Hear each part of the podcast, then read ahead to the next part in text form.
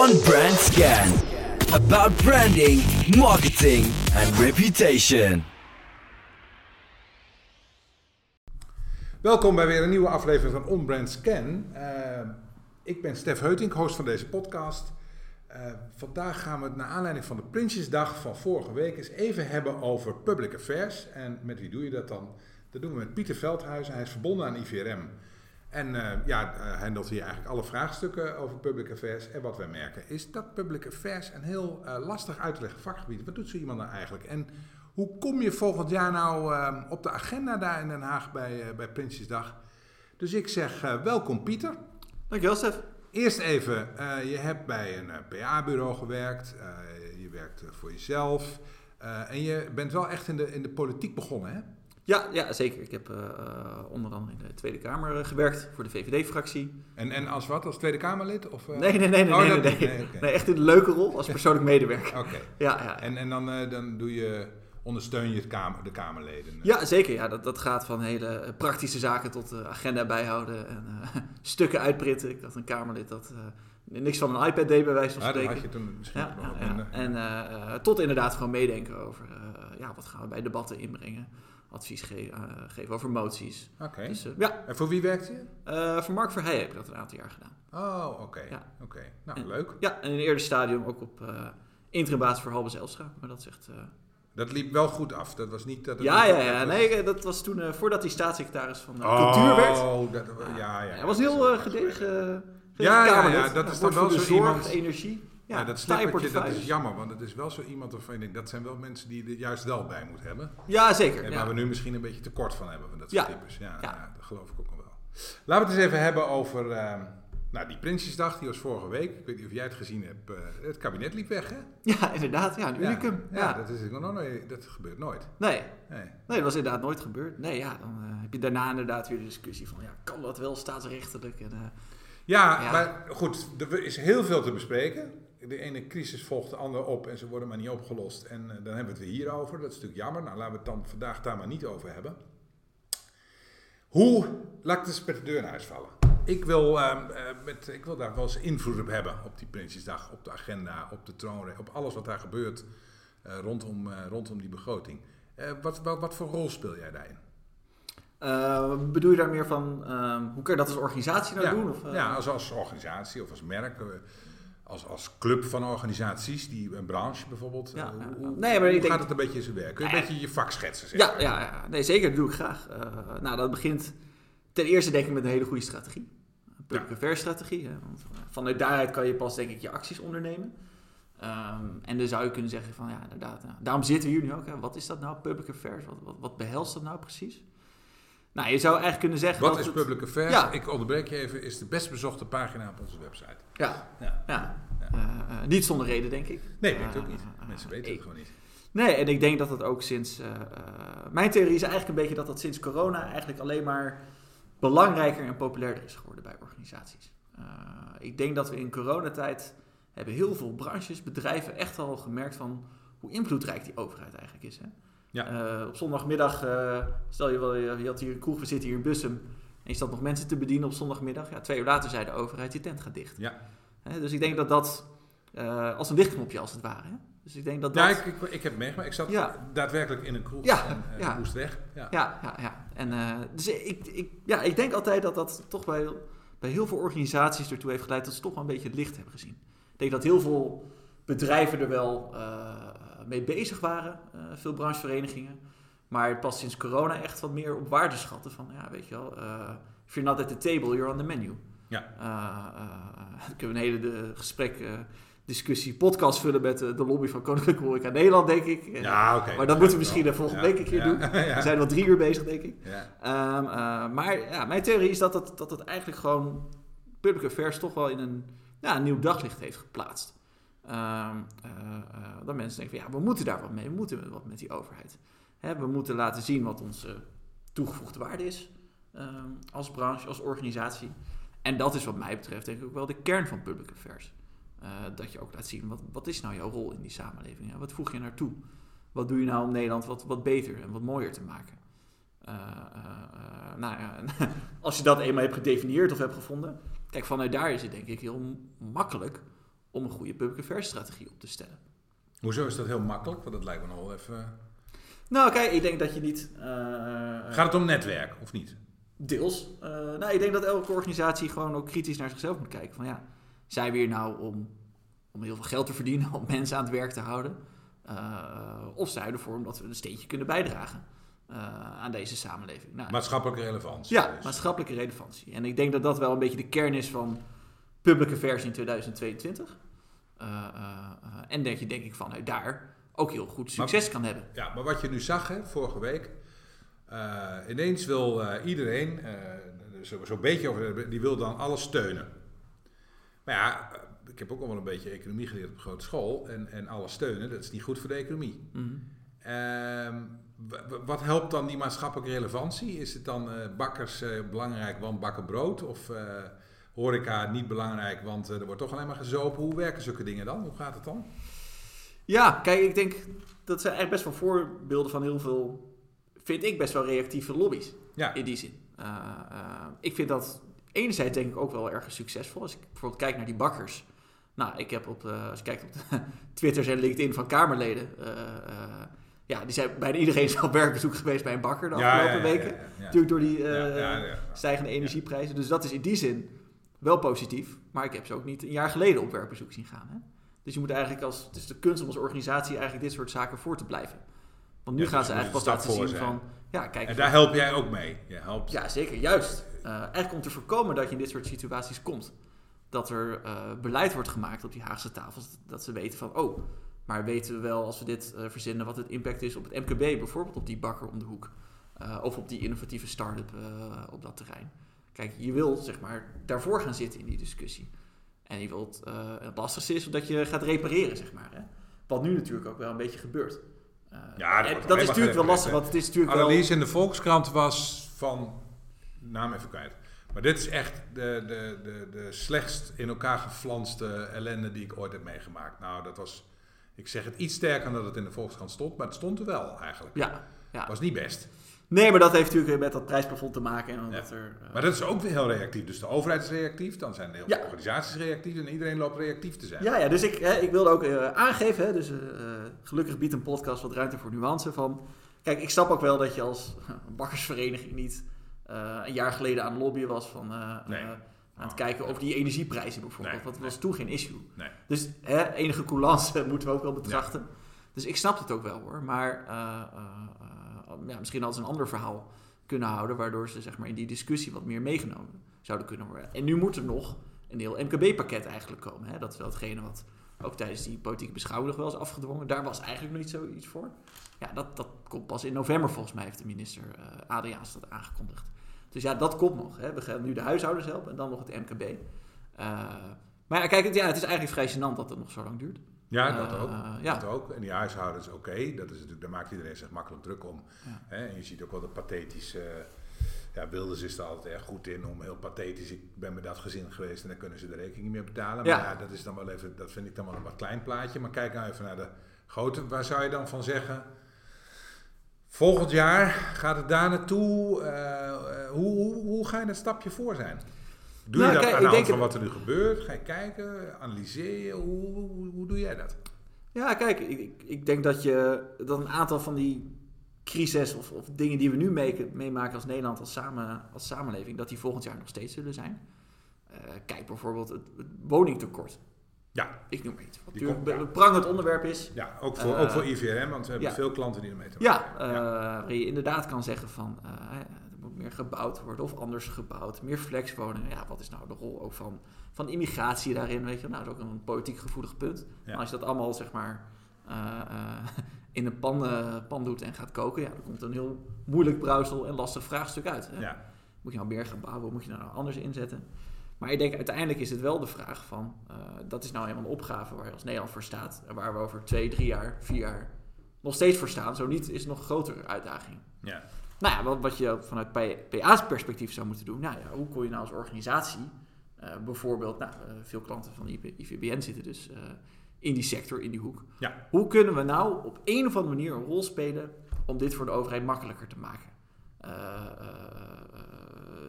door dingen in te zetten die wij kunnen bieden als branchevereniging, als bedrijf, om te kijken van, ja, hoe kan een kabinet nou die wooncrisis oplossen? Wat voor creatieve ideeën hebben we nou? Moet... Is dat misschien ook wel zo'n punt? De creatieve, een beetje helpen de creativiteit daar een beetje te stimuleren? Ja, absoluut. Want dat is uiteindelijk waar een, waar een overheid wel op zit te wachten. En de Tweede Kamer ook wel. Kijk, maar bijvoorbeeld, een groot bouwbedrijf die veel woningen moeten bouwen. Ik hoorde gisteren ook weer, niet gisteren, maar afgelopen dagen ergens op de radio. Maxime Verhagen, de man van Bouwen Nederland.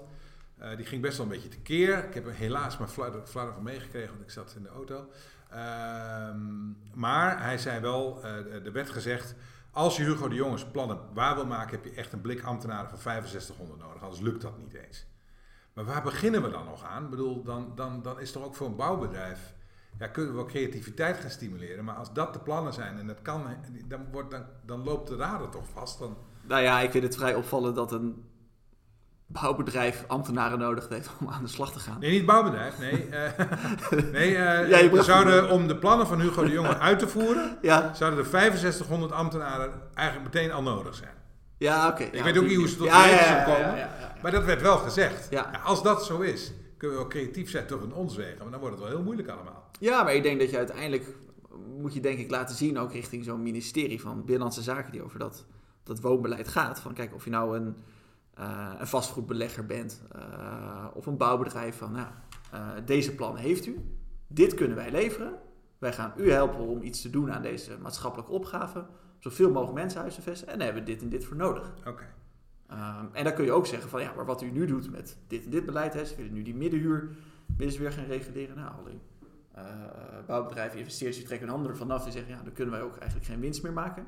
Hè, want we kunnen ook, uh, dan nou ook geen geld meer over om te verduurzamen. Dat willen jullie ook. Ja. Uh, weet je wel, maar dat, dat, moet je, dat verhaal moet je natuurlijk ook wel houden in je lobby. Maar uiteindelijk de opgave blijft staan.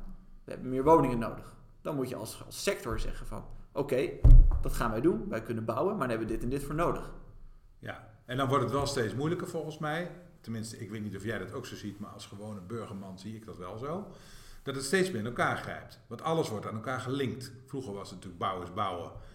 Nou, dat is bouwen. Hè, de grond mhm. kopen, pitchen, uh, mooi project ontwikkelen. Hoppakee, dan hebben we weer wat. Maar nu is het stikstof bouwen, uh, klimaat bouwen. Alles is aan elkaar gelinkt. Alle doelstellingen worden aan elkaar gekoppeld.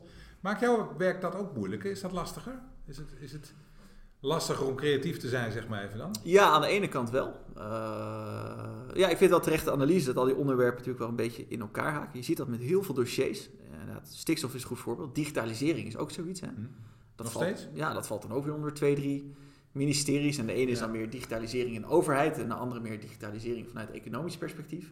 Maar dat maakt het soms wel lastig uh, om ook te focussen in je lobby. Van ja, welk ministerie richten we ons nou welke, uh, welk, welk, beleidsplan willen we nou beïnvloeden? Maar of wordt er ook gewezen? Of waar willen we nou een idee neerleggen? Hè? Ja.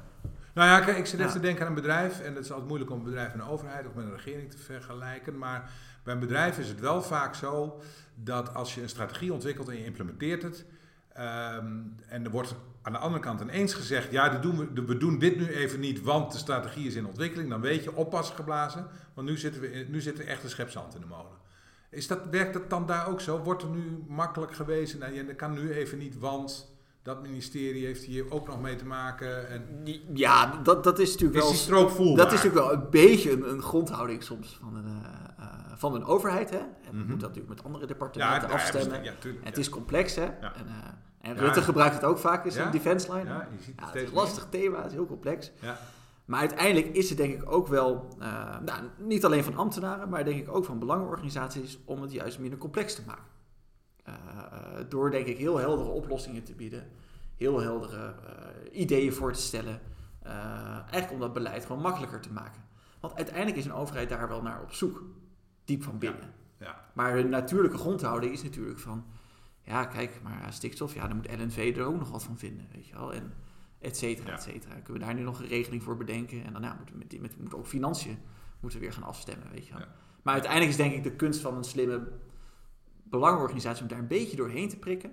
Uh, uh, en ook gewoon ja, niet alleen te prioriteren, maar ook gewoon met, nou, met goede bondige oplossingen te komen. Want uiteindelijk zit een, een politicus, een, een ambtenaar daar wel op te wachten.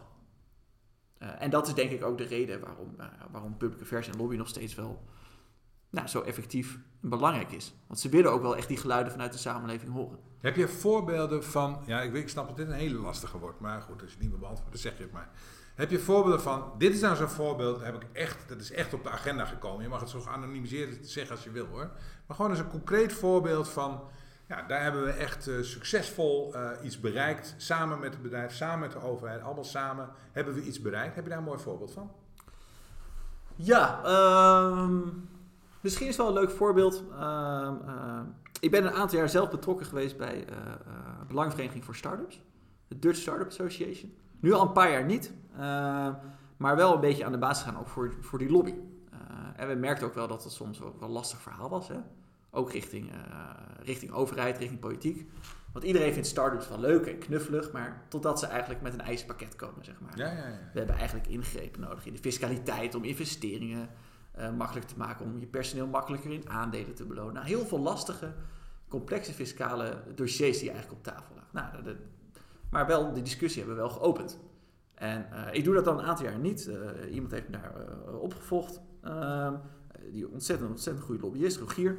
Ehm, maar je merkt eigenlijk pas nu, eigenlijk vijf jaar, vier jaar nadat we dat een beetje zijn gestart, dat dat een beetje aan landen is bij een overheid. Ik zag ook in de troonrede, werd voor het eerst start-ups genoemd. Ja. weet je wel? Nou ja, nou ja ze hebben zelfs, hoor, eh, die, die prins is daar toch ook altijd mee bezig? Ja, dat is Prins Constantijn, die is, is voor TechLeap. Uh, oh, is vroeger Startup Delta, maar dat hangt wat meer aan de overheid. Ja. Dat is niet echt een lobbyclub. Uh, nee, maar hij heeft wel eens een keer met zijn vuist op tafel geslagen. Ja. wel eens bij Rutte of bij een Mona Keizer hiervoor staatssecretaris. Dat weet ik wel, maar niet echt de politieke lobby. Dat deden ze eigenlijk niet echt. Of daar hield ze een beetje afzijdig van. Maar daarvan zie ik nu, en dat is heel grappig, want ik volg natuurlijk nu die lobby met heel veel interesse omdat ik een aantal jaar heb gedaan. En ik zie ze nu uh, bij al die ministers langs gaan op, uh, op social media en leuke werkbezoeken doen. En ja. ja, weet je wel, ze zijn er heel goed mee bezig. En daarvan denk ik van ja, dat is, ja, dat is misschien een, een, een klein voorbeeld van ik denk van ja, dat, dat is ah, Er zijn ook hele gunstige regelingen geweest. Ik heb mijn accountant wel eens over gehoord. Voor start-ups. Ja. Ook in de belastingssfeer en dat soort ja. dingen. Dat komt daar dan toch ook misschien Ja, zeker. Er wordt ook wat een en ander weer, uh, weer teruggedraaid, zag ik. Maar ja, weet je, dat hoort ook een beetje bij het ja, beleidsspel. Ja. Maar dat is wel iets waarvan ik denk van ja, weet je wel, dat, en dat is wel, denk ik wel een mooi voorbeeld van, ja, echt van een proces van lange adem. Uh, waarvan je nu eigenlijk ziet dat dat sorteert effecten. Het is lange termijn. Ja, want dat zeg ik wel tegen mensen van, uh, ja, maar ik wil borgen dat dit en dit recht. Ja, forget it. Maar hoe werkt het ja. dan, um, als je kijkt, dan heb je de politiek en natuurlijk de ambtenaren. Hoe verhoudt zich dat dan? Want ik kan me voorstellen, politiek, kijk, onder Rutte ben je redelijk gezekerd dat het lang blijft zitten. Hoewel ik nu toch wel mijn hart vasthoud. Maar ja. uh, oké, okay, laten we nou eens veronderstellen dat het dan twee, drie jaar is nog. Hè, de, de spannen van een nieuw kabinet zal sowieso niet veel langer meer zijn. Want die, die formatie uh, die duurt zo lang. Nou ja, dan het kabinet misschien wel, maar dan heb je nog maar twee, drie jaar. Dus laten we zeggen, twee, drie jaar ben je echt met beleid bezig. Ambtenaren blijven zitten. Ja. Die zijn niet het, is die focus dan ook daar, moet je je daar ook gewoon nog eens even goed in aanbrengen? Je kunt je op de politiek richten, maar je weet ook dat ja, dat is, die, die gaan weer weg. Ja, zeker. Nee, uiteindelijk de, de ambtenaar is de continu, continuïteit binnen het ja. politieke uh, landschap, het beleidsmatige landschap. Ja, daar roleert aan de bovenkant ook wel het, het een en ander ook wel eens kritiek op, maar zeg, nou, zeker de, de laag eronder, zeg maar, qua, qua senior beleidsmedewerkers, hè, die uiteindelijk wel echt het, het monnikenwerk verricht, zeg maar, met vele taaie nota's en uh, beleidsprogramma's, ja, die blijven wel vaak wat langer zitten. Ja. Uh, dus ja, sowieso goed om daar je contacten te hebben. Uh, en ik geloof zelf ook wel minder in van, ja, ik ga Hugo de Jonge nou een brief schrijven en dan gaat het voor me fixen. Weet je, dat is altijd goed om bepaalde zaken misschien. Uh, ja, maar dat zie je dus in informatie altijd. Dat, dat, dat, dat, ja, weet wel, ja. ja. Dan ben je dus wel één op de stapel van weet ik hoeveel. Ja, zeker. Het, het zijn wel zaken die je moet doen. Ja. Hè? Dus uh, ik ben er zelf ook wel eens kritisch op, maar als je het ook niet doet. Dan lig je er niet. Dus nee, en het is ook soms, als je bijvoorbeeld een branchevereniging bent, richting Bovendien je leden... kun je altijd zeggen, we hebben wel een brief geschreven. Ja, je moet ook richting je leden laten zien dat je daarmee bezig bent. Het is goed om op je eigen site te zetten. Uh, soms wordt nog wel opgepikt door de media. Dus dat is ook niet verkeerd.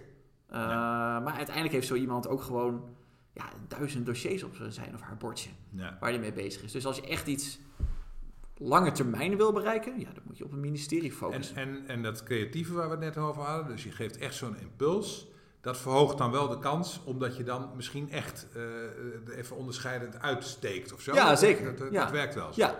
Laten we heel even kijken, je zegt media. Uh, nou, een van de dingen waar, waar we bij IVRM natuurlijk veel mee bezig zijn, is de combinatie van PA en PR. Ja. Hè? Hoe, hoe zit het met de mediaconsumptie in, in Den Haag, zal ik dan nog maar even zeggen, of in de gemeentelijke politiek? Maar uh, hoe gaat het daarmee? Vroeger was het zo, de Kamervragen, uh, als je in de krant kwam, dan, uh, dan, nou, dan kwam die Kamervraag er ook wel. Is dat, werkt dat nog steeds zo? Speelt social media een nieuwe rol? Nou ja, kijk, als er een kliniek zou zijn voor mediaverslavingen, zou die in Den Haag, denk ik, worden geopend. Ja, volgens mij zitten ze ook de hele dag in de Kamer tijdens de vergadering media tot zich te nemen. Ja, absoluut. Of, absoluut. ze zitten te appen, maar... ja, absoluut. Dus... Nee, zonder daar cynisch over te doen of wat dan ook, dat, dat speelt gewoon nog steeds een enorme rol. de kranten worden daar goed gelezen goed gescand elke ochtend, ook op de departementen. Maar ook zeker binnen de, uh, binnen de fracties in de Tweede Kamer. Die krijgen s ochtends om uh, zes uur mooie overzichtjes binnen. Wat staat er, uh, ja, wat staat er in de Telegraaf of Trouw of, of NRC? En waar zal ik vandaag eens een slimme vraag over stellen? Ja. Zeker, dat wordt nog ontzettend goed gebruikt. Inderdaad ook voor dat politieke handwerk. Ja. ja. En Wat, wat is de rol die social daarin speelt? Nou ja, kijk, je kunt natuurlijk bepaalde vraagstukken en discussies wel versnellen. Uh, nou ja, ik heb natuurlijk zelf ook in de Tweede Kamer gewerkt. Ja. Uh, wij kregen ook wel eens uh, berichten via social media onder de aandacht als het geen bedreigingen waren of, of, of scheld, scheldkanonades van oh, heeft u dit bericht wel eens gezien of wat dan ook. Nou, dan ging ik daar wel serieus naar kijken. Ja. dus dat speelt dan echt een enorme rol. Ja. Dus ja, zeker social media, zeker Twitter, ja, dat, dat, blijft natuurlijk een enorm belangrijk kanaal. Zeker voor politie en journalisten. als je zeg maar al het het vuil een beetje weggefilterd daar. Zeg Ja, dat zal ja. niet eenvoudig zijn. Ja. Toch?